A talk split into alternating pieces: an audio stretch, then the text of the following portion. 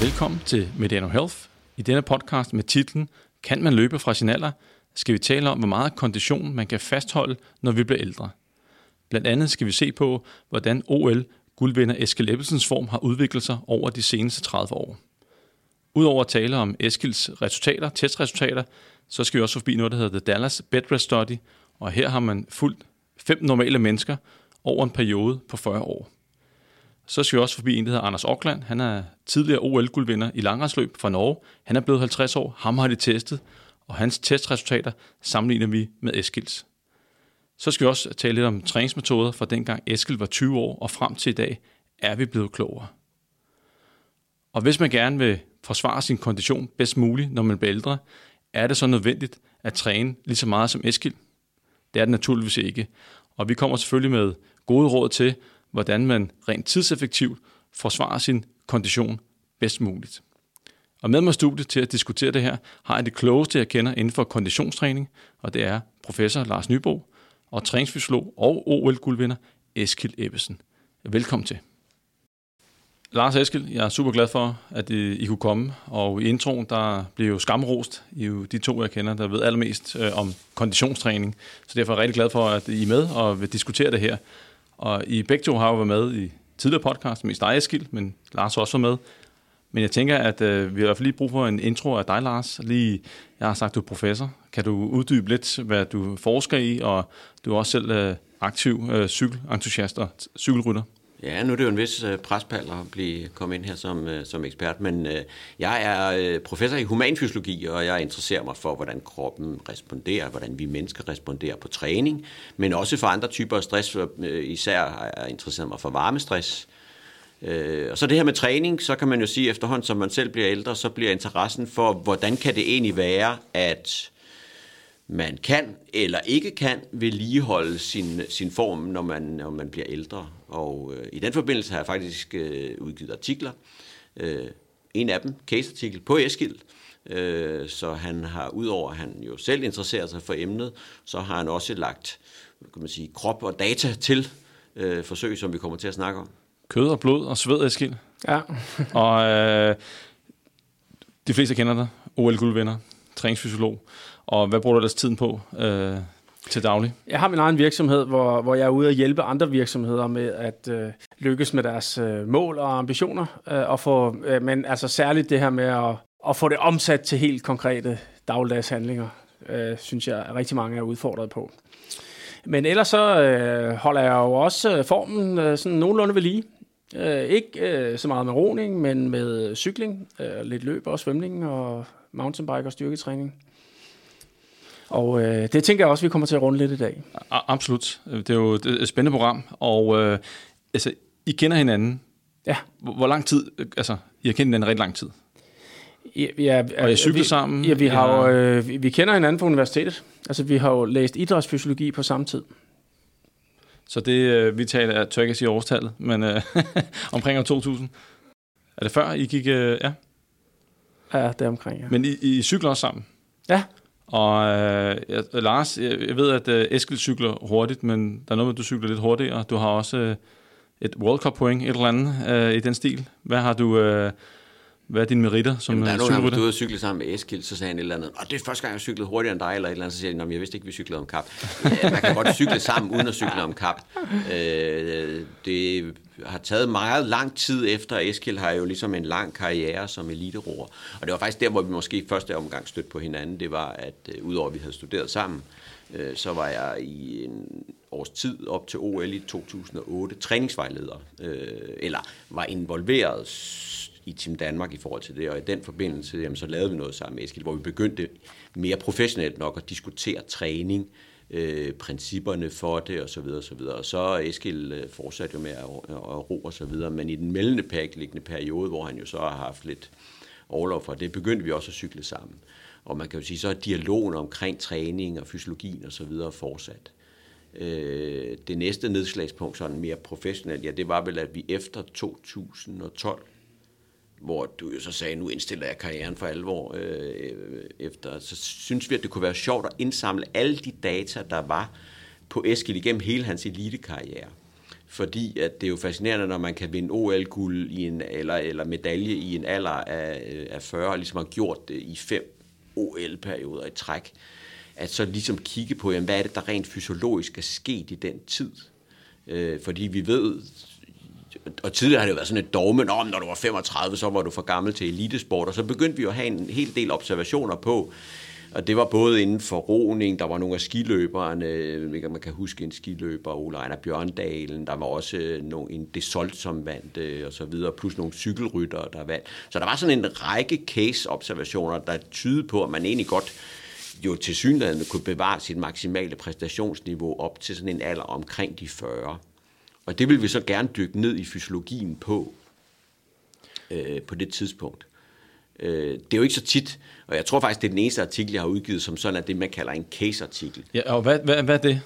Ja, det er jo, hvor man så kun har endelig med en, altså en forsøgsperson. I gamle dage, dengang August Krog og Lindhardt, så havde de to forsøgspersoner, og så klæmede de, den ene var udholdenhedstræner, den anden var sprinttræner, og så brugte de dem.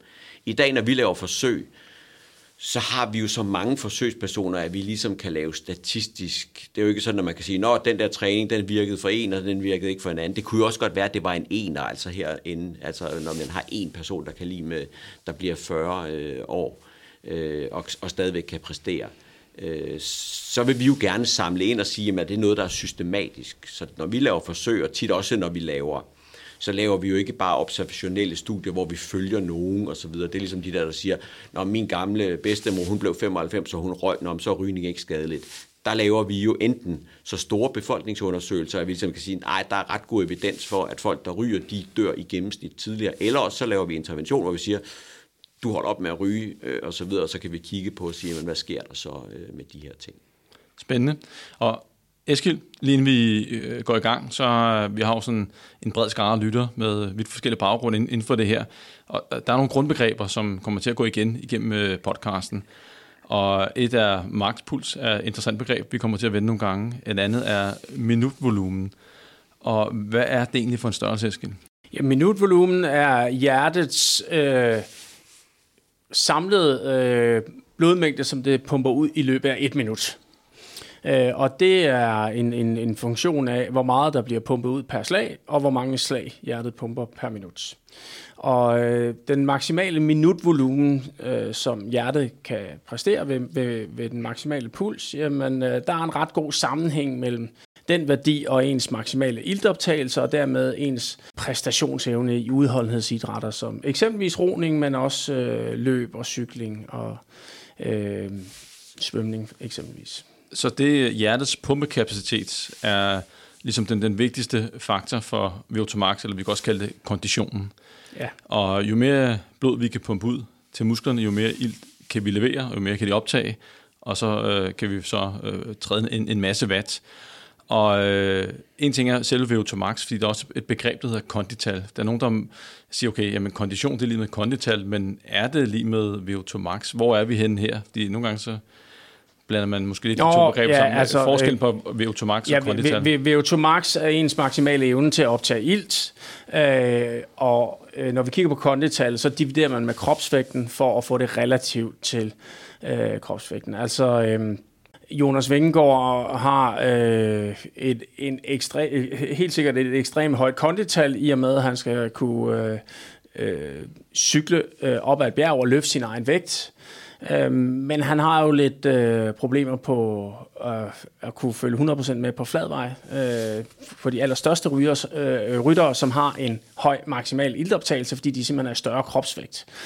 Øhm, så, øh, så store personer har naturligt en, en høj iltoptagelse. Øhm, altså i min sportsgren roning, der har vi jo øh, altså atleter, udholdenhedsatleter, der vejer 100 kilo eller mere, øh, selvom de, de er toptrænede, og de har nogle, nogle, vi hører om nogle historier med nogle voldsomt høje maksimale ildoptagelser, men når man relaterer det til vægten, jamen så, så har de et, kan man sige, et, et normalt øh, kondital øh, i forhold til, øh, at de eliteidrætsudøver. Så de har en stor motor, men til gengæld har de også meget at slippe rundt på, kan man sige. Man kan sige, kondital er sådan set bare maksimal ildoptagelseshastighed normaliseret til kilo kropsvægt.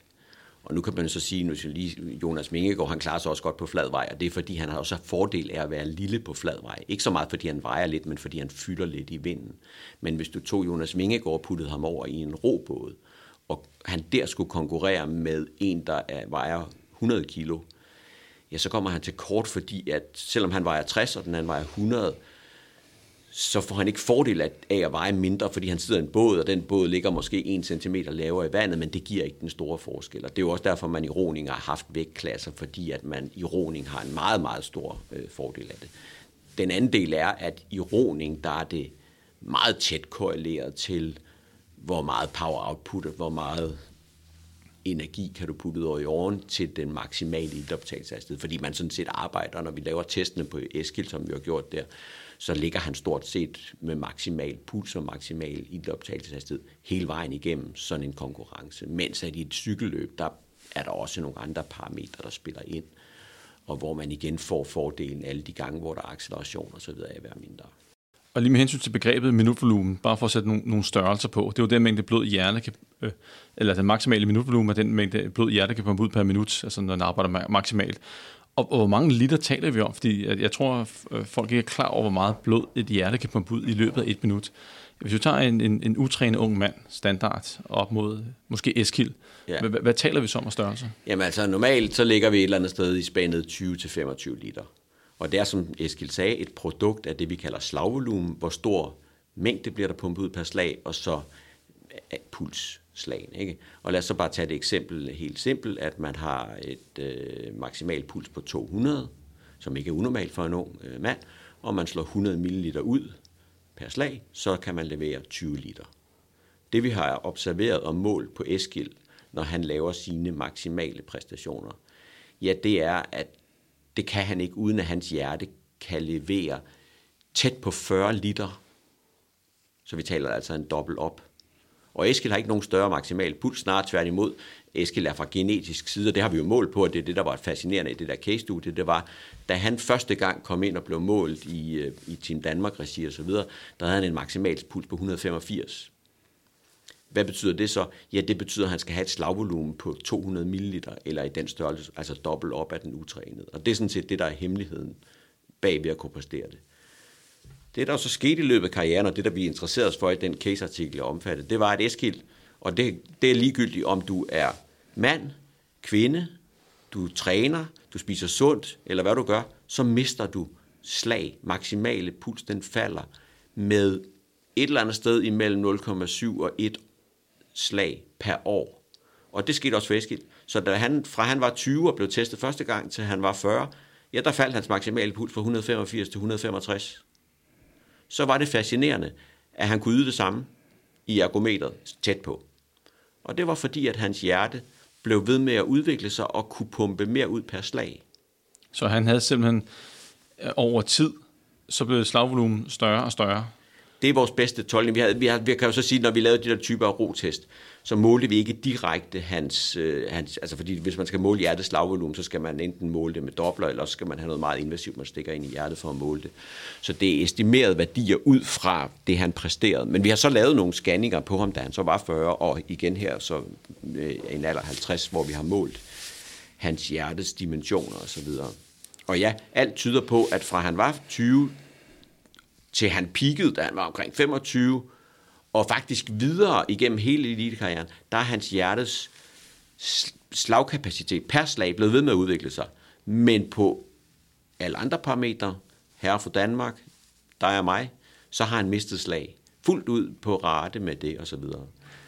Og så kan man spørge, hvorfor er det så, at man kan kompensere for det? Og der kan man sige, at selvom at minutvolumen jo sådan et eller andet sted er et simpelt produkt, puls gange slagvolumen, så interagerer de to jo meget. Ikke? Så vi igen, hvis du tog eksemplet, den utrænede, hvis de skulle arbejde på nu siger et eller andet 200 watt, og deres hjerte kun kan pumpe 100 ml ud, men Eskild skal pumpe 200 ud, ja, så kan Eskild klare sig med nogle færre slag. Så den vej, det kan de fleste godt forstå. Lille slagvolumen, så skal du have en højere puls.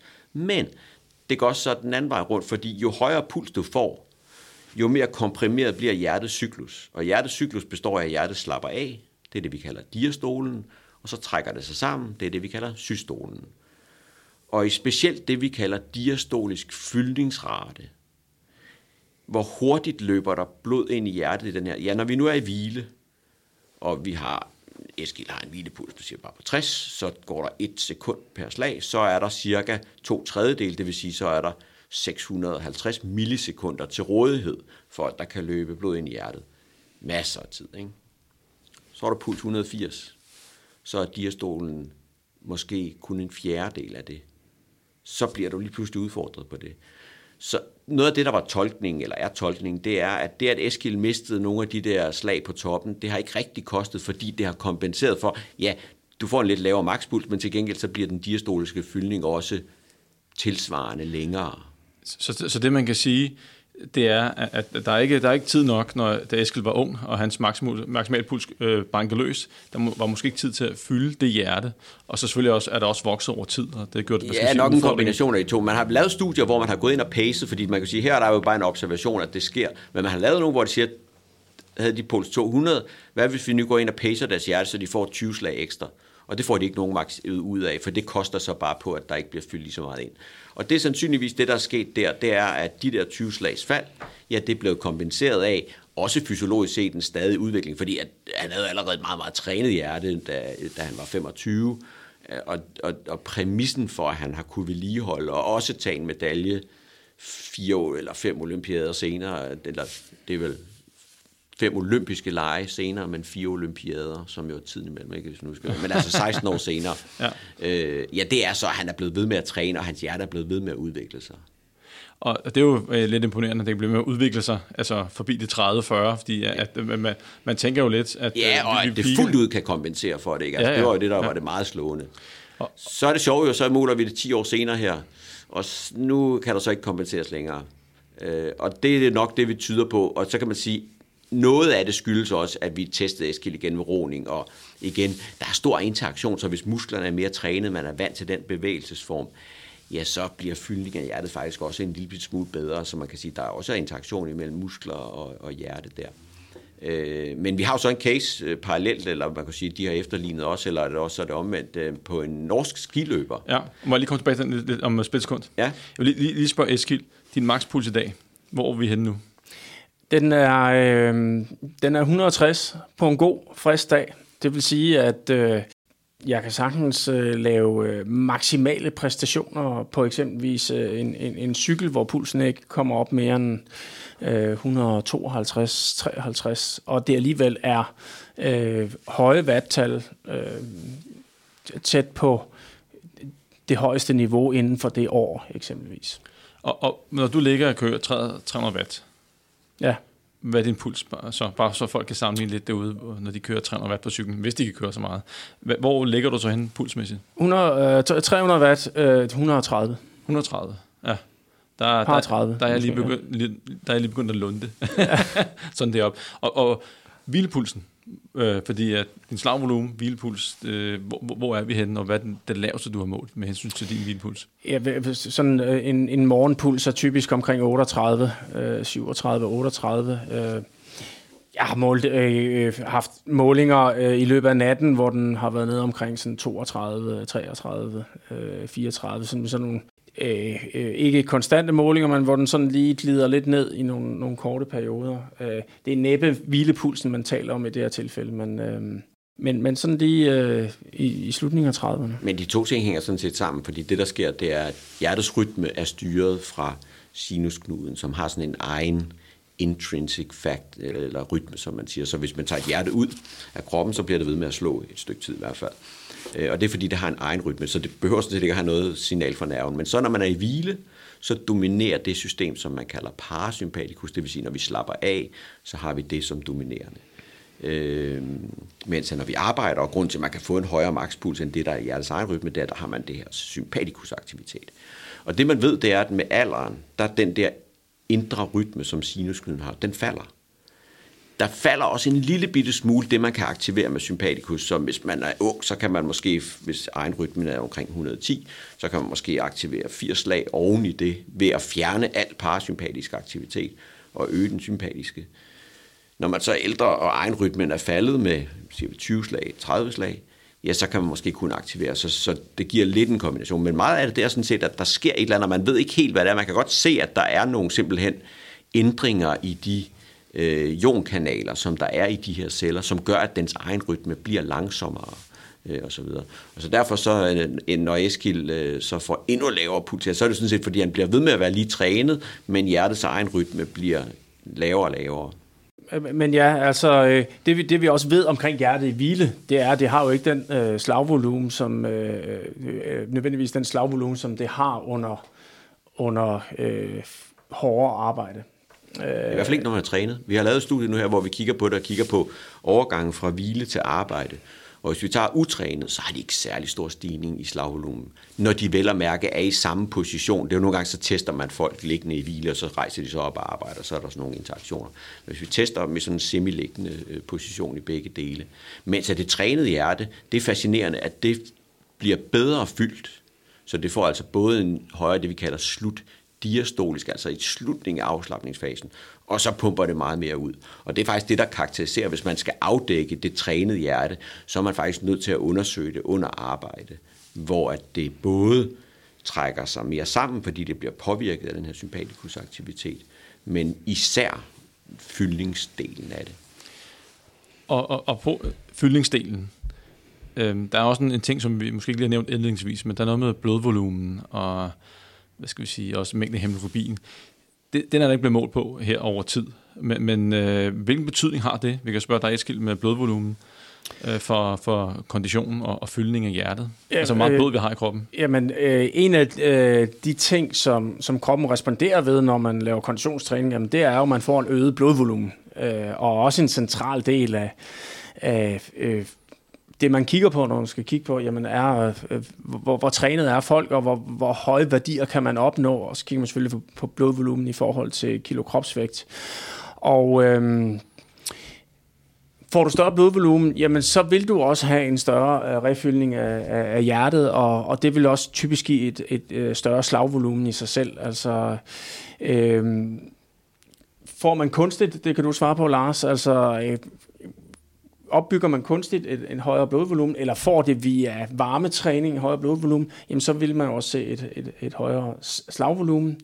Øh, og så vi taler om, at mm, den maksimale puls den er konstant. Det kan måske oven i købet trykke den maksimale puls en lille smule ned, så man ikke kan komme helt op i samme øh, omdrejninger, hvis man øh, har et stort blodvolumen men det er rigtigt, at en stor del af det, udover at det er hjertet i sig selv, der adapterer, så er det også, at der er en større blodvolumen. Men man kan sige, hvis du ikke har det trænet hjerte, der ikke er så stort, og du så kunstigt øger blodvolumen, bloddoping osv., så, videre, så udskiller du den ret hurtigt over tid. Så de to ting hænger meget sammen og så videre. Og hvad der kommer først, det er sådan lidt høn og ægget-agtigt, ikke? Fordi er det det, at du får en større blodvolumen, hvilket vi kan se, når man træner, det sker i et vist omfang allerede inden for de første par måneder. Og den større blod, det gør så, eller volumen, det gør så, at hjertet bliver bedre fyldt. Okay, så begynder hjertet også at adaptere.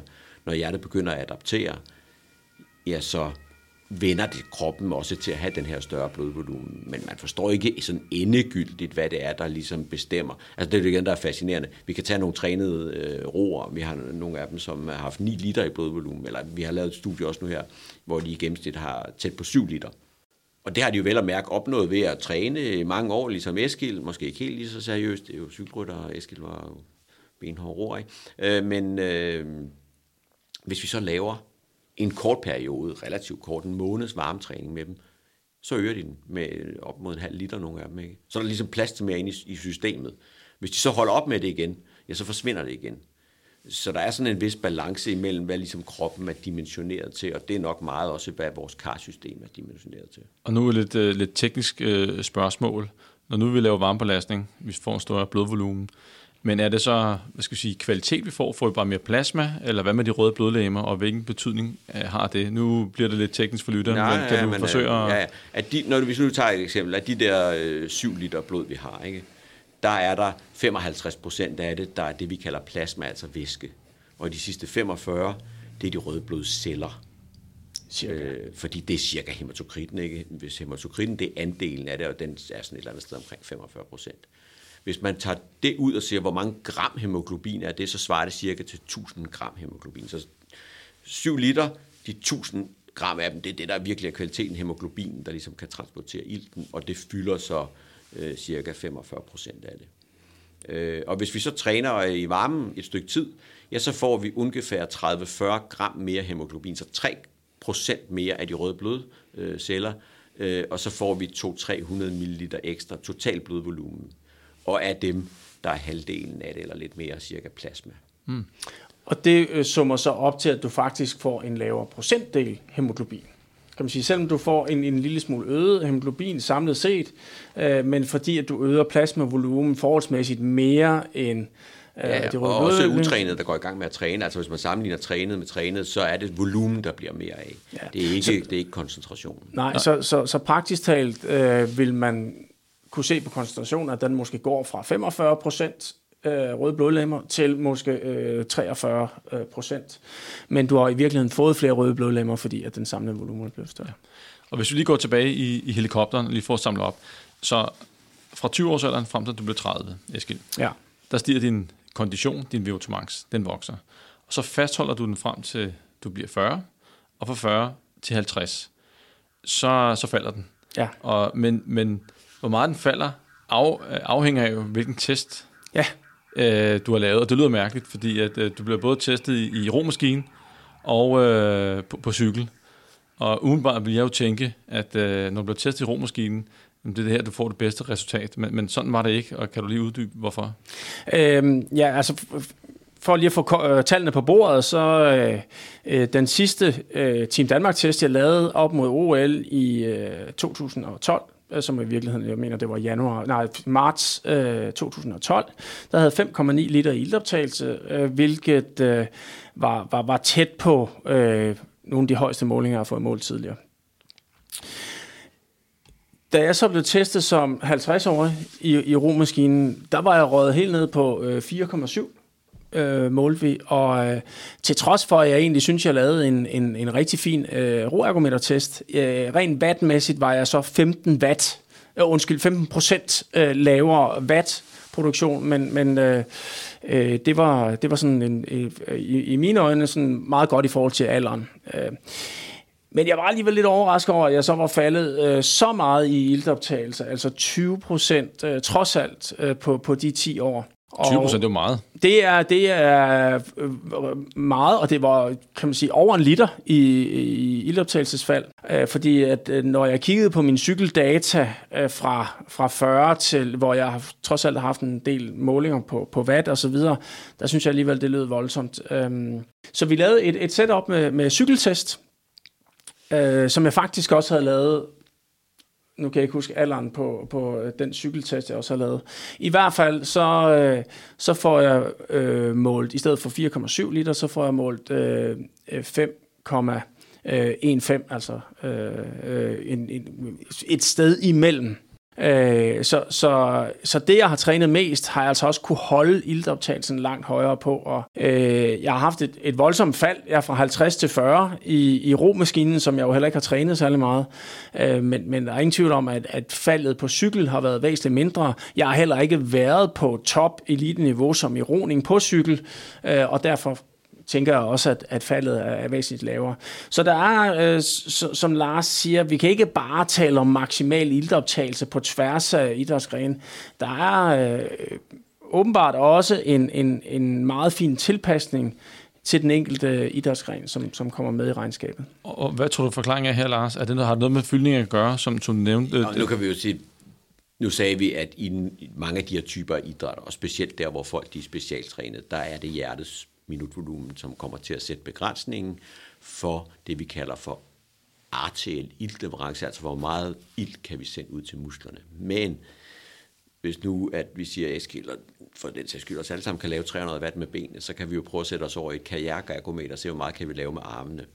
Og så kan man sige, at så kan, du, så er det ikke længere, så kan hjertet nok godt levere det samme øh, mængde blod, men, men armene er simpelthen slet, slet ikke trænet til at udnytte det. Og der, det, specielt overkroppen kræver meget stor træningsvolumen og specificitet. Og mit bud er, at det har Eskild tabt en del af, fordi han ikke længere har nu siger jeg 15 timer eller mere rotræning, som man jo havde i hele den der periode.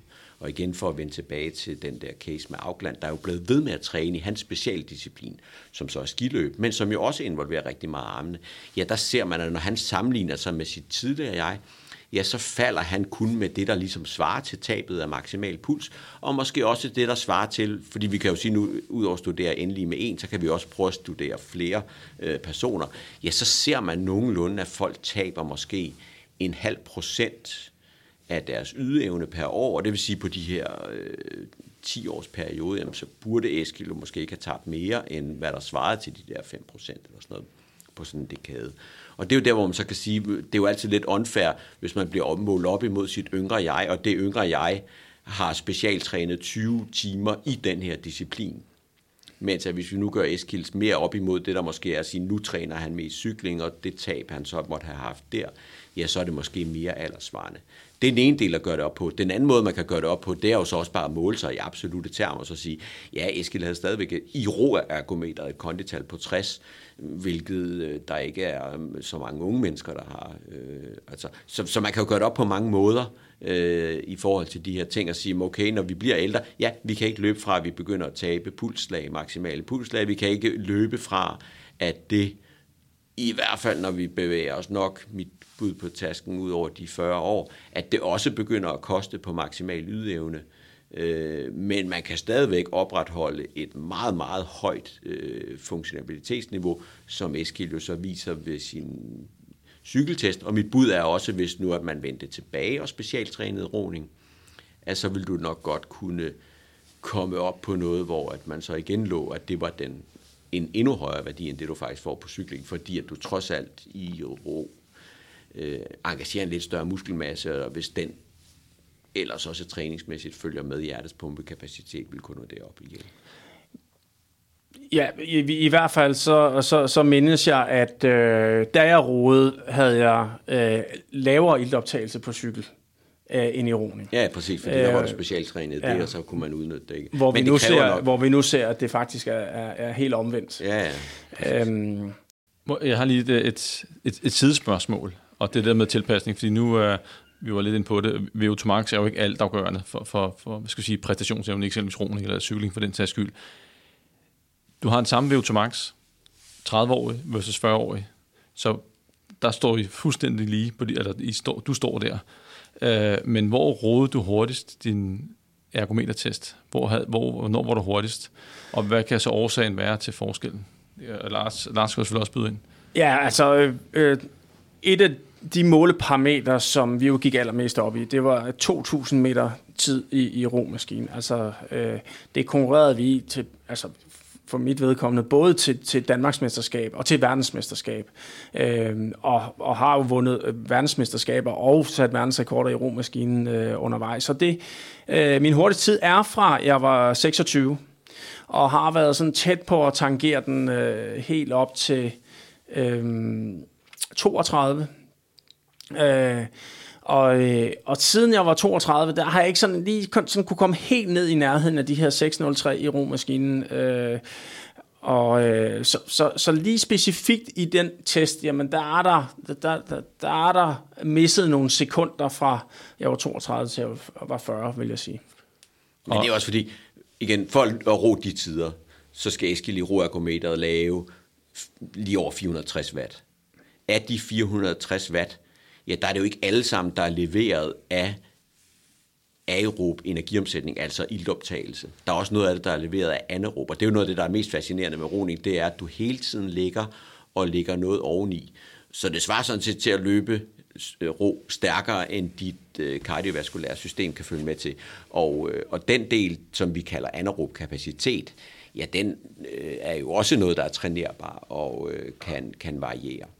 Så. Øh, så, så mit bud er, at der er tabt en lille bit smule på det, men et andet bud kunne også godt være, at der måske også i løbet af karrieren har været et lidt større fokus på at være i peakform til et ergometer-VM, som ligger hen om vinteren, mens at in-season performance måske godt kan opnås ved at have et meget højt vinterniveau og træne meget aerob der, men måske ikke have maksimal anaerob kapacitet og derfor ikke kunne levere den peak præstation. Altså fordi man kan sige, hvis du skal ned og råbe, var det 603 eller så videre, ikke? så kræver det jo, at du både øh, intensiverer din træning op imod det, men også at du lægger en formtop ind, at du derved øh, taper, som man kalder det i, i fagsproget, altså øh, for at få det. Og der kan man måske sige, at der er længere hen i karrieren, ja, hvad var det vigtige? Det var at, at, at pike til, til OL, ikke?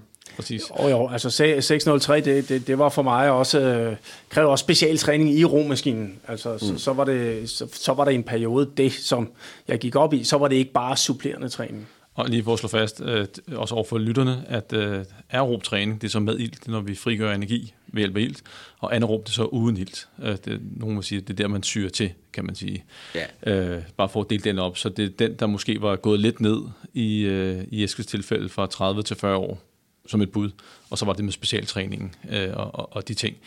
Men lad os, øh, lad os lige prøve at tage et, et spring ned til, hvad skal vi sige, øh, bare fedtprocenten, Eskild. Fordi den har jeg også målt, og det er lavet på, på DEXA-scanner. Er det hele vejen, eller der har, har der også været hudfold til at starte med? Det, det har været øh, hudfold øh, generelt, og så har der været nogle, nogle enkelte målinger med, øh, med DEXA-scanning undervejs, ja. Men du har en fedtprocent, den seneste som 50-årig, var det i DEXA-scanneren? Øh, det var begge dele. Ja, begge, begge dele, okay. Ja. Hvordan holder du den dernede, Eskild?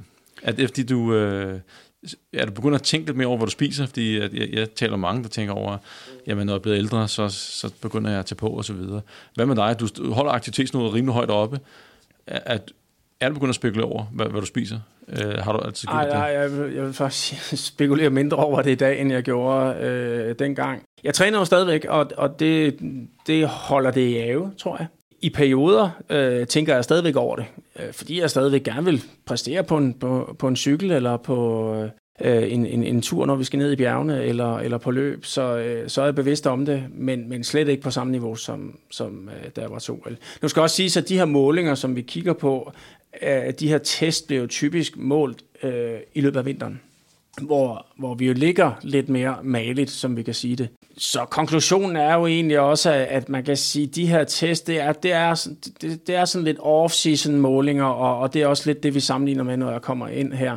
Jeg, jeg vil dog sige, at, at mit, mit romaskine-niveau er, er, er, er, er sådan træningsmæssigt, træningsindsatsmæssigt, ikke i nærheden af det, jeg lavede om vinteren dengang, men, Øhm, men vi har jo ikke målinger fra øh, peak-sæsonen, altså i, midt i en, øh, op mod OL eller... Øh, eller Ej, den ene af de scanninger, vi havde, det var jo så hen der, hvor I skulle op til en regatta, hvor vi så målte ned i 5%. Så det er nok der, hvor man har ligget. Man har ligget et eller andet sted, afhængig af metoden og så videre, et eller andet sted mellem 9 og 12 om vinteren. Og så, når man har skulle stå og veje de der 72, så var man ned. Men hvad er læsen ud til herre fra Danmark, der siger, at jeg vil gerne være i form, og fordi man kan jo sige, en af de ting, som øh, nu er det jo ikke fordi, at når man har elite, og de kan inspirere andre til, øh, hvordan og hvordan, det er jo også at sige nogle ting. Og der kan vi jo sige, okay, fysiologisk, du kan ikke øh, løbe fra, at du mister maksimale slag. Men du kan fysiologisk godt vedligeholde din fedtprocent og muskelmasse, i hvert fald inden for rimelighedernes grænse. Nu kan man sige, når du ikke er styrketræner, så det er jo klart, hvis man har haft øh, nogen, der har været ekstremt øh, styrketræne, de største osv. Men der er det nok også et bud. Altså, vi har jo set nogle af de der sprinter, som jo øh, igen øh, er domineret af meget, meget høj kraftudvikling og kan være fuldstændig ligeglade med ildopslag. Der er jo også nogle af dem, der kan vedligeholde næsten peak performance op til de 40, igen Linford Christie i tidernes øh, morgen og så videre. Og nogle af de der styrkeløfter og så videre, så videre de kan jo også godt holde øh, stor muskelmasse. Så jeg vil sige, derovre, øh, der er du og det kan jo blive sådan en helt anden snak, men der er du nok mindre, der er det nok mere din egen livsstil og vilje, der, øh, der, øh, der er styrende for, om du kan stadigvæk holde vægten og kropskompositionen. Yes. Eskild? Ja, altså øhm, hvis vi sådan lige skal samle om, omkring nogle af de øh, resultater, eller, eller hvad skal man sige, den, det vi normalt forventer sker med alderen, det er jo, at vi har sat meget ord på det her med, at den maksimale puls falder, og det er en, en nærmest øh, den, den, jeg lige før sige, det er nærmest den eneste store forklaring på, at, øh, at vi falder så meget i, i maksimal ildoptagelse. Men, men der er jo også, hvis man går ind og undersøger, hvad sker der med alderen, jamen så får vi jo lidt stivere kar, vi får lidt, øh, lige lidt stivere lunger, vi øh, øh, taber noget muskelmasse og, øh, og mister noget power. Øh, det, det er jo de ting, vi sådan forventer øh, sker, når vi kommer op i alderen. Det vi eksempelvis så hos, hos mig var jo, at selve sådan sprintevnen, øh, den var jo egentlig på højde med, med dengang. Øh, og, og konklusionen lige på det var jo også, at jamen, det er jo ikke, fordi jeg har evnet at holde den, øh, kan man sige. Jo, det har det været, men, men det er jo, fordi jeg ikke har været på et, et maksimalt udnyttet niveau dengang. Det var ikke vigtigt for os i roning at kunne sprinte fuldstændig vanvittigt, fordi det var trods alt øh, øh, seks minutter, vi skulle holde det her. Øhm, ja, det var lidt overraskende, at du kunne stadigvæk levere 10 10 sekunders peak på samme niveau. Ja, og det har jo så været et udtryk for, at, øh, at det har været sådan lige en del af min genoptræning i romaskinen, men det har også været, jeg har også lavet meget styrketræning, som, som faktisk øh, supplement til en, en, en baglårsskade, og øh, jamen, det har åbenbart resulteret i, at, at jeg lige blev god i, i, i den disciplin. Så, så budskabet er jo også, at øh, det, man ikke har været maksimalt trænet i, Ja, det er igen det der med at sige, hvis du bliver målt op mod dit unge jeg. Hvis dit unge jeg ikke har trænet en eller anden disciplin, så, øh, så kan man hurtigt opnå det igen. På samme måde, hvis vi nu tog den lesson, der var fra det her studie, man har lavet, fascineret studie, hvor man har lagt folk ned i bedrest, ikke trænet overhovedet, øh, og så øh, træner dem efterfølgende, ja, så ser man jo en kæmpe fremgang, men så ser man også, at jamen, de er faktisk også trænerbare efter ikke lige så radikal bedrest, men bare inaktivitet eller mindre aktivitet, når de er blevet 30 år ældre, ja, så er de stadigvæk trænerbare. Og det er det, man siger, der, der er ikke noget, der tyder på, at mennesker, og det er jo så uanset om det er styrketræning, powertræning, altså hurtig kraftudvikling eller konditionstræning, at man ikke er trænerbar, selvom man er 50, 70, 80. Øh, så der er ikke, øh, altså man skal ikke lade det blive sådan en sovepude øh, og sige, at det kan ikke nytte noget længere at træne. Ikke? Nej, og man kan sige, at, øh, at med e- Eskild, der man kan, ikke, man kan forhindre faldet, eller man kan bremse faldet med hensyn til tab af konditionstræning. Men hvis man nu, ligesom i det her Dallas Bedrest Study, som jeg lige, vi giver flere data på lige om lidt, øh, der ser man faktisk, at de som utrænet i en alder af 50 år, øh, eller i midten af 50'erne tror jeg faktisk det er, faktisk øh, kan få det, der svarer til en, en kondition, som dengang de var 25 år og, og utrænet. Øh, så, så på den måde har, der, så skruer det, kan man godt sige, tiden lidt tilbage. Eskild, du markerede lige. Ja, ja altså øh, noget af det, som øh, jeg synes har været sjovt at sammenligne med, det er jo, jamen, hvad, altså, hvad sker der med, øh, hvis vi går ind og kigger på verdensrekorder, altså de, de bedste i verden på, i forskellige aldre, så blev jeg gjort opmærksom på, når i løbediscipliner, øh, der, der ser vi sådan øh, ret præcis sådan fra, fra, øh, fra 30 til, fra cirka 35 til, øh, til 70, jamen der falder man øh, 0,7 procent per år i gennemsnit. Øhm, og øh, så, nå, jamen det, okay, jamen, øh, det er den performance, man kan levere som, som løber. Og så kan man altid diskutere, øh, hvor elitært løber man, når man er 60 eller 70. Øh, men, men det er i hvert fald, når vi går ind og kigger på, hvad performer de bedste i verden i de forskellige aldersklasser. Så gjorde jeg faktisk det, jeg gik ind og lavede analysen på øh, roergometer øh, og regnede ud de forskellige verdensrekorder for henholdsvis øh, kvinder øh, og for, øh, for mænd. Det var så letvægtsroerne øh, i, i, i de forskellige aldersklasser. Øh, og de rammer faktisk øh, ret præcist en lige linje med en hældning på øh, for kvinder 0,74 og for mænd 0,73. Altså så det rammer øh, faktisk det samme tal. Øh, så der er jo øh, måske en eller anden indikation på, at øh, jamen, er, det, er det omkring det niveau, som vi kan forvente at, at holde? Øh, måske kan vi slå den. Øh, hvis man som ældre selvfølgelig lever lidt mere elitært. Øh, men, men, men det er nok den størrelsesorden, vi, vi taler om. Så sker der så noget, når vi bliver over 70. Så går det altså stejler nedad, når vi, når vi kigger på verdensrekorder. Og det sjove er, at det gør så igen, hvis man tager timerekorderne i cykling. Der er faldet det mindre, men det er så i hastigheden. Hvis man regner det om til power, så er det nok cirka det samme, ikke? Altså, og så videre. Men nu, lige apropos det der, det er da fascinerende, når man sidder og kigger på sådan noget der. OL, det allerførste OL i 19, øh, eller 1896, det blev vundet på over tre timer, ham der spyrt. Og så der er rigtig mange øh, øh, unge, der sætter et mål, at man skal kunne løbe under tre timer. Når man kigger på verdensrekorderne, øh, så er der en kvinde på 62, der løber under tre timer. Og der er og en er på plus 70, som også har en, øh, en, en, under. Det vil sige, at de, de mennesker, de kunne have vundet OL for lidt over 100 år siden, ikke? Øh, forstået på den måde, at livsstilen, bedre træning, at det i den grad kan kompensere for aldring, øh, det, det siger der et eller andet om, hvor, hvor, hvor fascinerende det er, at folk, der øh, vedligeholder deres træning i en høj alder, stadigvæk kan bevare Ja, de havde løbet hurtigere, de var unge. Ja, Eskild havde roet og cyklet hurtigere, hvis han havde trænet lige så klogt og godt osv. øh, da han var 25. Men det er da stadigvæk fascinerende, at man kan bevare så højt funktionsniveau i den alder. Og Eskild, det leder os lige over i det næste. 50-årige Eskild skal coache den 20-årige Eskild. Hvad vil du så have gjort anderledes, og, og, og hvorfor med hensyn til træningen? Hvad har, hvad har du lært i, i de 30 år? Bare sådan helt kort. Jamen altså, øh, ja, helt kort, jamen, jeg vil sige, at, at dengang, altså, vi trænede, altså, vi, altså det, det var virkelig hårdt. Altså, det, det var... Det var nærmest den der med, at øh, jamen, vi kørte bare på all out hver dag, øh, og både på de korte og de lange programmer, og øh, så en gang imellem, så fik vi hammeren. Øh, så, må man, øh, så må man stå af. øh, og så måtte man prøve igen dagen efter. Så, så øh, Øh, altså, der var nok øh, for høje ambitioner om, øh, hvad man skulle kunne gennemføre. Øh, hvor hvor vi sådan senere hen, og også i dag, har mere sådan realistisk forhold til, hvor meget skal egentlig være med høj intensitet. Så det er gennemførbart, og det bliver sådan en balance, hvor vi, hvor vi hele tiden skubber øh, til grænsen og, og, og lægger ovenpå. Og, og så vil jeg nok træne større volumen øh, i dag, med den viden, vi har i dag. Altså større volumen, men måske øh, med lavere intensitet. Øh, jeg vil nok øh, give mig selv råd om øh, at have meget mere fokus på og, på, på teknikken og balancen og optimering af udstyr og øh, altså ikke bare at tale om power, men i den grad også at, at virkelig arbejde med at få det maksimale ud af vores power. Så, så lad os lige øh, holde fast i det med, med intensiteten. Så du vil lavet en, en større volumen ja. med lav intensitet, altså bruge langt mere tid på at sidde med en, med en lav pace i, i romaskinen.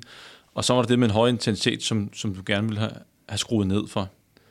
Øh, hvor er mængden vi henne? Af. Mængden ja, ja, mængden, så, så, så det, jeg egentlig ja. hører Eskild sige, det er det, man i dag kalder polariseret træning. Præcis. Det vil sige, at man laver en ret stor volumen, men når man laver den, og godt er klar over det volumen, så ligger man ikke i sådan noget, hvor man tænker, fuck, det er alligevel hårdt der. Så putter man det ned i et lavere intensitetsdomæne. Men det gør man jo så for, at de, og det er jo også det, der er i det, det er, så doserer man og siger, jamen det kvarter, der skal være hårdt, det skal så også være virkelig hårdt. Og det passer sådan set godt med mange af de observationer, man har fra træningsstudier, altså interventionstræningsstudier, men også fra observationelle studier. Der skal ikke så meget til, at det der meget, meget højintenst. Til gengæld skal det være højintenst.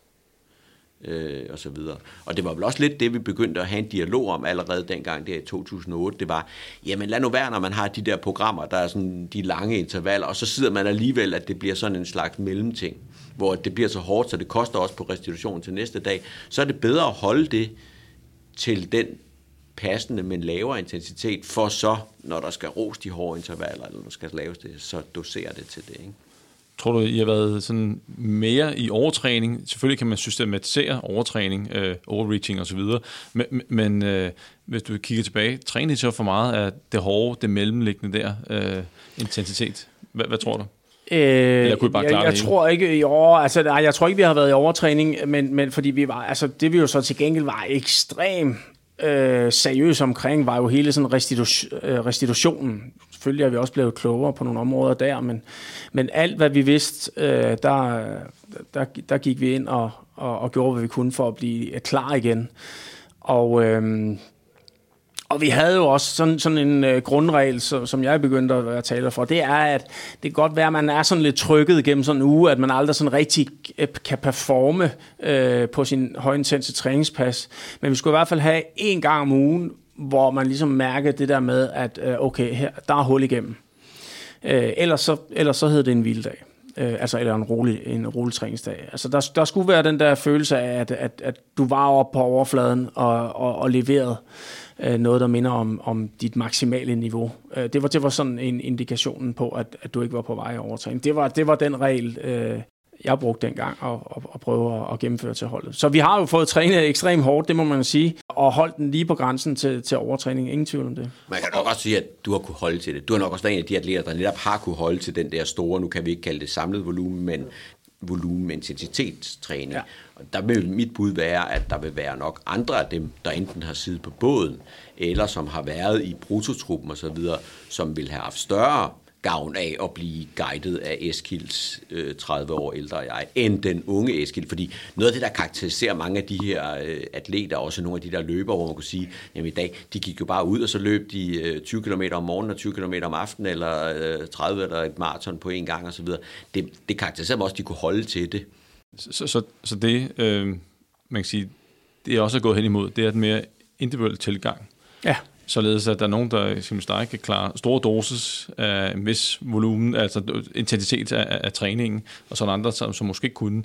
Øh, det ser vi også i andre, andre sportsgrene. Jeg lavede også en podcast med Anders Storskov ude for, for Brøndby Fysisk Træner, hvordan de på daglig basis har dialog med, med, med spillerne, øh, og så doserer sådan øh, anderledes, øh, alt afhængig af hvor træt det er osv.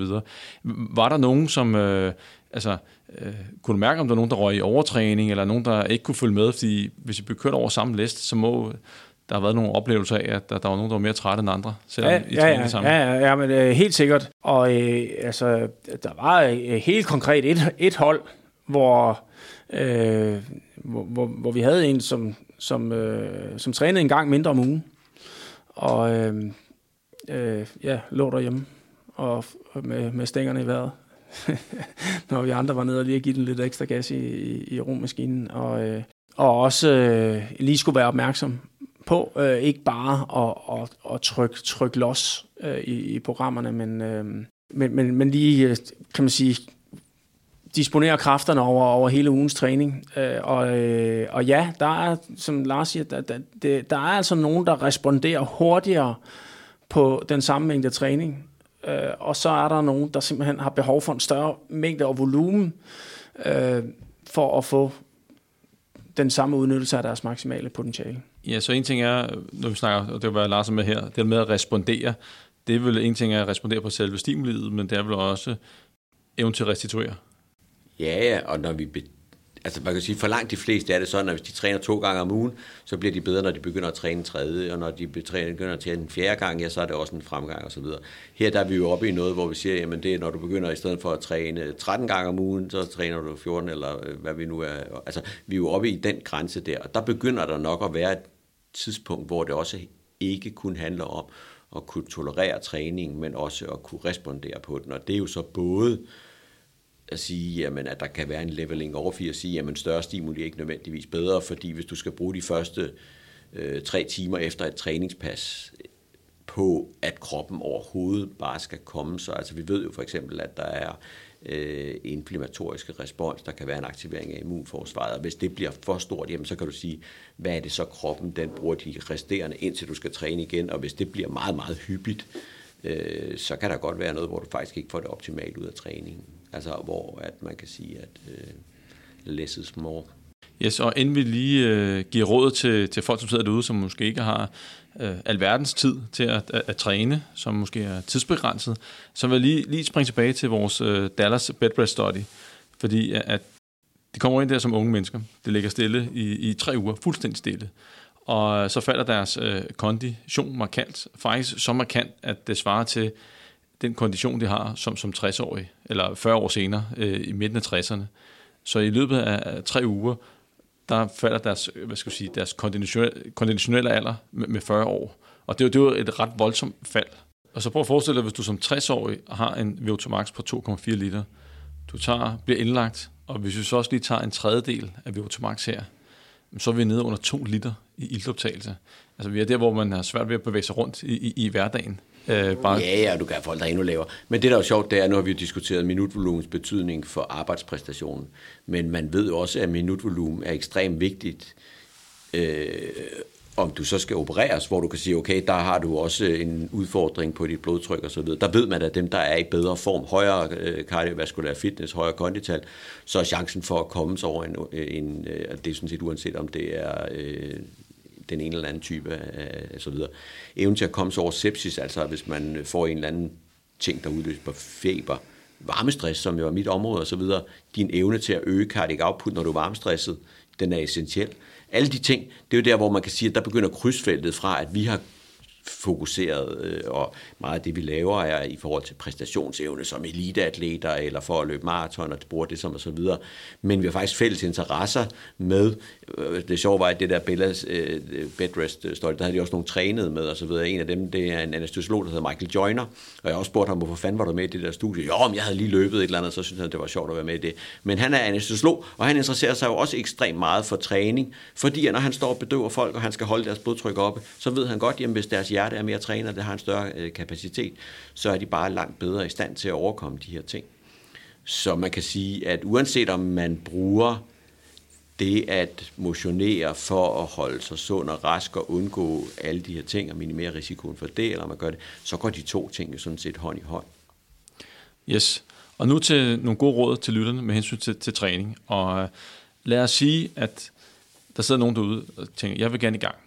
Jeg vil gerne løbe eller øh, cykle, hvad nu måtte være, lave konditionstræning, to til tre gange en halv time om ugen. Start med dig, Lars. Hvordan vil du investere de der 3 gange 30 minutter om ugen, hvis du er 40-50 år? Jamen, det vil jeg jo, du, øh, om du, uanset om du er det ene eller andet. For det første skal man sige, man, man skal lidt afhængig af, om man øh, cykler eller løber. Cykling er nemt at gå til, der kan du ret hurtigt give den gas. Hvis du løber, skal du lige vende øh, sene bindevæv øh, til at gøre det. Øh, men når du har gjort det, og du ligesom er kommet over den første, du kan løbe en tur uden at blive så øm, så du næsten ikke kan kravle ud af sengen dagen efter, så vil jeg nok spendere det sådan. Øh, varme op 10 minutter, giv den gas i 15 og jogge af i 5. Eller øh, vice versa på cykel. Så er det tit i cykling okay, hvis man bor et eller andet sted, og man lige skal ud af byen, men man kan jo faktisk også gøre det intenst og så videre. Det behøver så ikke at være 15 minutter hvor i streg, hvor du giver den gas. Det kan sagtens varieres. Der er for eksempel masser af udmærkede løbeprogrammer, hvor du øh, lunder i 30 sekunder, løber stærkere i 20, og så sprinter du de sidste, og så holder du 30 sekunder og løber let. Altså du kan sagtens gøre det intervalbaseret og, og variere det på den måde, fordi det har faktisk også en effekt øh, på det. Men så bruger du de 15 af minutterne i den højintense zone. Og, og når du siger øh, højintens zone, øh, hvis folk ikke har et pulsur, de kender makspulsen, så med værtrækning, hvor, hvor er vi henne der? Hvordan kan man bruge den som en indikator på den del? Ja, jeg har faktisk begyndt mere at gøre det sådan lidt mere det, vi kalder RPE-baseret, Rating of Perceived Exertion, anstrengelse osv.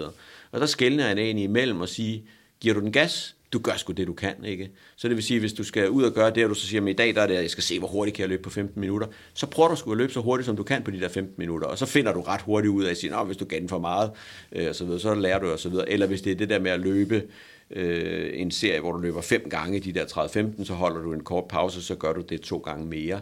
Så prøver du egentlig at løbe så stærkt, som du kan i de der. Det er meget simplere, end at folk skal begynde at ligge og kigge på et eller andet pulsur. Det er, når de skal give den alt det, de nu kan.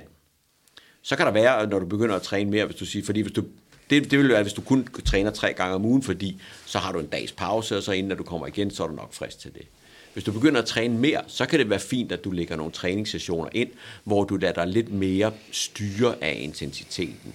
Og der gør du så det, at i stedet for at du giver den alt det gas, du kan, ja, så ligger du der et eller andet sted, hvor at du så måske kun ligger på sådan et syvtal på en anstrengelsesskala fra 1 til 10. Mens når du laver de andre typer intervaller, ja, så ligger du på 9-10 stykker i slutningen af dem. Ikke? Det, er, det er meget nemmere at forholde sig til til folk, end at man skal ligge og lade sig styre af et eller andet øh, pulsur i de rolige perioder, når du varmer op og så videre, ja, der vil jeg så sige, for netop at få det polariseret, og ikke, det, det er ikke sådan, at du under opvarmning allerede skal blive så træt, så nu skal du hen og lave det andet, du ikke kan gøre det. Der holder du dig måske til at sige, at jeg holder pulsen under 60% af min maksimale puls, for at sikre mig, at du ikke kommer for højt op. Og Eskil, så får du et andet spørgsmål. Lad os sige, at man har øh, to gange timer om ugen, eller tre gange timer om ugen, Hvordan vil du så gøre det? Fordi det kan jo ikke være øh, sådan, give den gas. Altså, vi, nu er mere tid til rådighed. Skal vi så udvide periode med høj intensitet, eller skal vi lægge noget andet ind i stedet for? Hvad vil du gøre, hvis du havde tre gange timer om ugen til rådighed? Øh, ja, lad os sige tre gange en time. Øh, ja, altså man kan sige, at øh, noget af det, som, som jeg selv går op i, det er, det, det er jo netop det, der som Lars er inde på, at få den der højintense træning. Øh, kombineret med hyppighed faktisk, er, er noget af det, jeg også prioriterer. Altså at få det ind sådan forholdsvis mange gange om ugen, men ikke nødvendigvis mere, mere end en kvarters tid, fordi det kan man på en eller anden måde ret hurtigt restituere sig fra og, og, og gøre det igen, øh, måske allerede dagen efter. Har man en, øh, en time tre gange om ugen, jamen så har man jo også noget restitution, og så kan man lægge lidt mere højintens på, hvis man vil gøre det optimalt. Øh, og, øh, og man kan gå helt op til, øh, jeg vil sige, øh, øh, 3 gange 40 minutter med høj intensitet om, om ugen. Øh, og øh, hvis man har en time, hvoraf så øh, det resterende er, er opvarmning og, og, og roligt bagefter, eller pause mellem intervaller øh, på, på de her 40 minutter så, så presser man også godt på. Øh, men, men, men ja, et sted mellem, så vil, så vil jeg, hvis man har tre gange en time, så vil jeg lægge mellem øh, 20 minutter og 40 minutter ind med høj intensitet.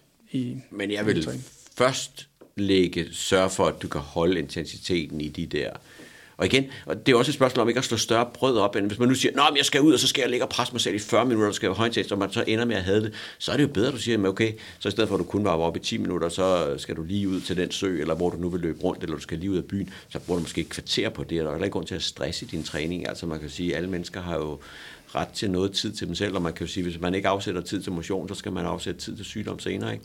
Øhm, Øh, og, og så kan det jo være, at man deler det, det, det intense op. Hvis man nu siger, at i stedet for at have et kvarter sammenhængende, jamen så løber jeg to gange 10 minutter, eller tre gange fem, eller sådan, så bliver der lidt pause ind imellem.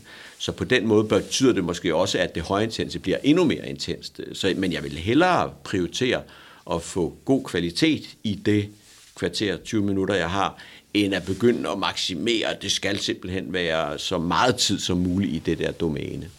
Det er klart, at jo længere tid, jo, jo mere vil det gå ud over intensiteten, og, og jo mere utrænet man er, jo Ja, jo, men altså jo, selv, øh, øh, du ved, hvis vi tager op og kører, vi har sådan en runde, Bregnerød runde, ikke, og to runder tager cirka 15 minutter, skal du køre tre, så tager det lige over 20. Jamen ubevidst, så pacer du dig jo selv, så du får ikke lige så meget intensitet i de 20 minutter, som du får i de 15.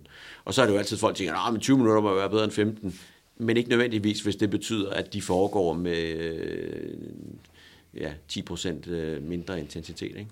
Jeg vil sige, noget af det, vi øh, kan sige, også fælles har kigget ind i, det var øh, det her med, at det ser ud som om, at du allerede efter nærmest en times høj intensitet om ugen øh, er på vej til at blive mættet. Så er der måske nogen, der kan få noget ud af at tage en time ekstra. Men altså, vi, vi taler et sted mellem en og to timer med høj intensitet, hvor det at lægge yderligere på derfra, det, det kan vi ikke se en hurtigere udvikling af. Øh, så kan man sige en time til to om ugen samlet set. Ja, med, med høj intensitet. Ja, det der ekstremt høj intensitet. Ja, ekstremt høj. Så, skal, så kommer så er det, du skal op og øge den øh, volumen med den lavere intensitet, hvis du skal have yderligere fremgang derfra. Og det så er jo, hvis du kigger på de aller, allerbedste, øh, nogle af de der langrendsløbere, så har de det samme. De har så bare et kæmpe stor volumen, hvilket betyder, at den der samlede del, andel af træning, den udgør så kun et eller andet sted ned mellem 5 og 10 procent af den samlede træning.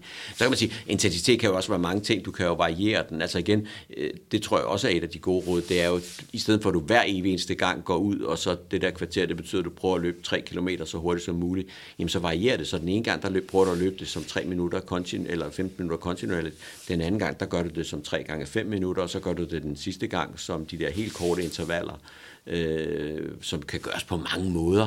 Øh, I cykling har vi for eksempel haft rigtig gode erfaringer, men der er også videnskabelige studier på 30 sekunder, hvor du giver den gas, 15 sekunder, hvor du slet ikke laver noget, 30 sekunder, hvor den giver gas, 15 Så man kan jo variere på mange måder, og, og af den vej også få trænet sit, øh, sin muskulatur lidt bredere end, øh, og så videre. Begge dele giver jo høj puls, så af den vej rundt giver det nok sådan nogenlunde det samme, men hele den der interaktion, der er imellem øh, aktivering og så videre. Øh, der, der er dog lige nogle, nogle grundregler, man lige skal være lidt opmærksom på. Altså, nu siger du 30 sekunder øh, med 15 sekunders pause. Ja, fordi så bliver pulsen holdt op, øh, og så får du trænet din maksimal ildoptagelse, øh, altså konditionen. Øh, men hvis pausen går hen og bliver lidt for lang, altså øh, kører 30 sekunder, og så kører et minuts pause og 30 sekunder igen, jamen så bliver det mere anaerobt arbejde. Øh, ja, og det er det, man kan mixe det på alle mulige måder. Ikke? Ja, men man, jeg vil sige, at øh, så længe man... Øh, så længe man kører under 3 minutter, øh, så, så vil jeg ikke holde mere end 15 sekunders pause mellem, mellem intervallerne. Altså for eksempelvis, jeg vil ikke køre 30-30. Allerede der begynder det at blive måske lidt for lang pause i forhold til at, at holde, øh, holde, holde pulsen op. Så, Helt sikkert. Hvis vi går ned i en kort domæne, så handler det om, at puls, eller pauserne skal ikke være længere, end at den akkumulering af de typer intervaller kan få pulsen op på tæt på maksimal puls. Det er noget andet, hvis man kører Altså lige snart vi begynder at snakke tre minutters intervaller, så begynder det jo at være sådan, at de tre minutter i sig selv kan udløse det. Hvis du kører det tre minutters all out, øh, så skal du have ret lang pause, før du kan gøre det igen. Øh, og det er der, hvor de andre er egnede. Så, så jeg, det, I gamle dage, der var de klassiske, sådan nogle, det man kalder VO2 max intervaller, sådan nogle intensitet. Det var jo fire minutter og så videre. Der er vi nok begyndt at gøre dem en anelse længere. Jo, øh, så tager det også lidt længere tid ind i intervallet, før at pulsen kommer op. Øh, men igen er det noget, man kan vinde sig til. Hvis man nu siger, at man går i gang for scratch, så kan man jo godt prøve at løbe i fire minutter, så kan man prøve at se, kan jeg strække det til at holde det i seks minutter, og så have en pause imellem. Men altså, der skal man lidt skælne imellem de længere, altså, og der taler vi fra fire minutter og op efter, og så de der, hvor det er den akkumulerede gentagelse af intervallet, øh, der giver det. Yes. Og hvis jeg skal prøve lige at samle lidt op på det hele, bare sådan helt, helt op i helikopteren. Så hvis man er som dig, Eskild, der holder et højt træningsniveau øh, fra 20 til 50 år, så kan vi ikke undgå, at øh, konditionen falder, at den såkaldte VO2 max, men at det først sker efter de 40 år, så man kan faktisk bibeholde øh, et højt output i, i relativt mange år. Men er man inaktiv det meste af, af livet og starter som 50-årig, så kan man jo skrue tiden hvad skal vi sige, tilbage til dengang man var ung og utrænet. Så med hensyn til træning, hvis man skal i gang, jamen, øh, har man ikke særlig meget tid til rådighed, jamen, så må man op med intensiteten. Selvfølgelig sørge for en god opvarmning, være opmærksom på at løbe. Og begynder at komme endnu mere tid til rådighed, jamen, så skal vi have noget af den helt ende af, af skalaen, altså det, den lavintense, så det moderate arbejde, det har vi ligesom, ligesom blevet udfaset med tiden, og det er korrekt forstået. Ja. Fantastisk. Og det sjove er jo faktisk, at man har lavet det der, hvis vi nu også skulle tage det over sundhedsdelen af det, at der skal, hvis der, der man lavede sådan noget med nogle folk, der løb altså, eller havde bare stokastisk i deres, uden at det var planlagt træning, havde man det tre minutters højintenst i løbet af øh, en dag. De havde markant mindre risiko for, for tidlig død og øh, kardiovaskulær incidens og alle sådan nogle ting. Øh, så, så, så bare det, at man har det der, så, så der skal ikke så meget til. Vores take er jo så, at det er omkring de der 15 minutter, det er, sådan, at det er en passende dosis for mange. Øh, og så videre. Og så lidt ligesom øh, ja, hyppigheden i det. Daglig, daglig dosis. Yes. Glimmer. Jamen, ved du hvad, jeg vil sige tusind tak, fordi I gad at deltage og dele ud af jeres øh, store viden og erfaring. Og så vil jeg sige tak til alle jer, der lyttede med. Vi høres ved.